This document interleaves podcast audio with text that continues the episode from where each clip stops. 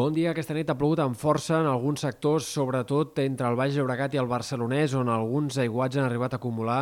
quantitats molt més importants de les previstes. Per exemple, els 60 litres per metre quadrat que s'han recollit al pluviòmetre que el Meteocat té dins el Parc Agrari del Baix Llobregat, al terme del Prat. Pluges també d'entre 20-30 litres per metre quadrat entre Sant Boi, eh, altres indrets del Prat, també a Barcelona hi ha hagut algunes acumulacions que han arribat a superar els 20-25 litres per metre quadrat i pluges més minces en altres indrets. Pluges que serviran poc per omplir els embassaments, perquè a part de ser molt irregulars, han caigut bàsicament les quantitats més abundants molt a prop de la costa. Avui esperem aiguats importants, sobretot a les Balears, on ja hi ha hagut aquesta nit algunes acumulacions de més de 50 litres per metre quadrat i al llarg del dia es poden repetir els ruixats localment forts, sobretot a Mallorca, però també en menor mesura a Menorca i a les Pitiuses. Per tant, atents a aquestes acumulacions importants de precipitació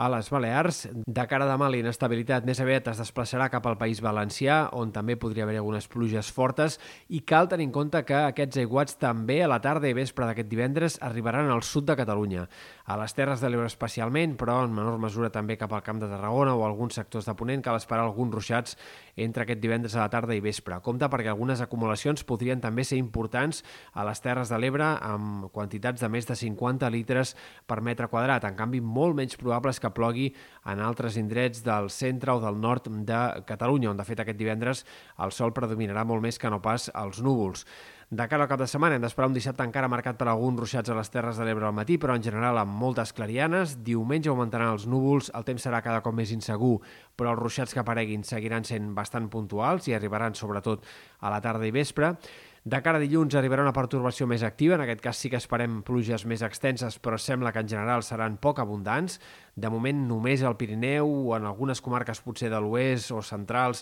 podria arribar a ploure una mica més de ganes, però no serà la tongada de pluges que ens faria falta. I de fet a llarg termini els models de previsió més aviat són cada cop més pessimistes pel que fa a pluges de cara a la setmana vinent han disminuït avui les possibilitats que, més enllà d'aquesta pertorbació de dilluns, tinguem cap situació de pluges important la pròxima setmana i el que sí que anirà arribant, sembla, a llarg termini és el fred. De moment, a curt termini, temperatures una mica més altes de cara al cap de setmana,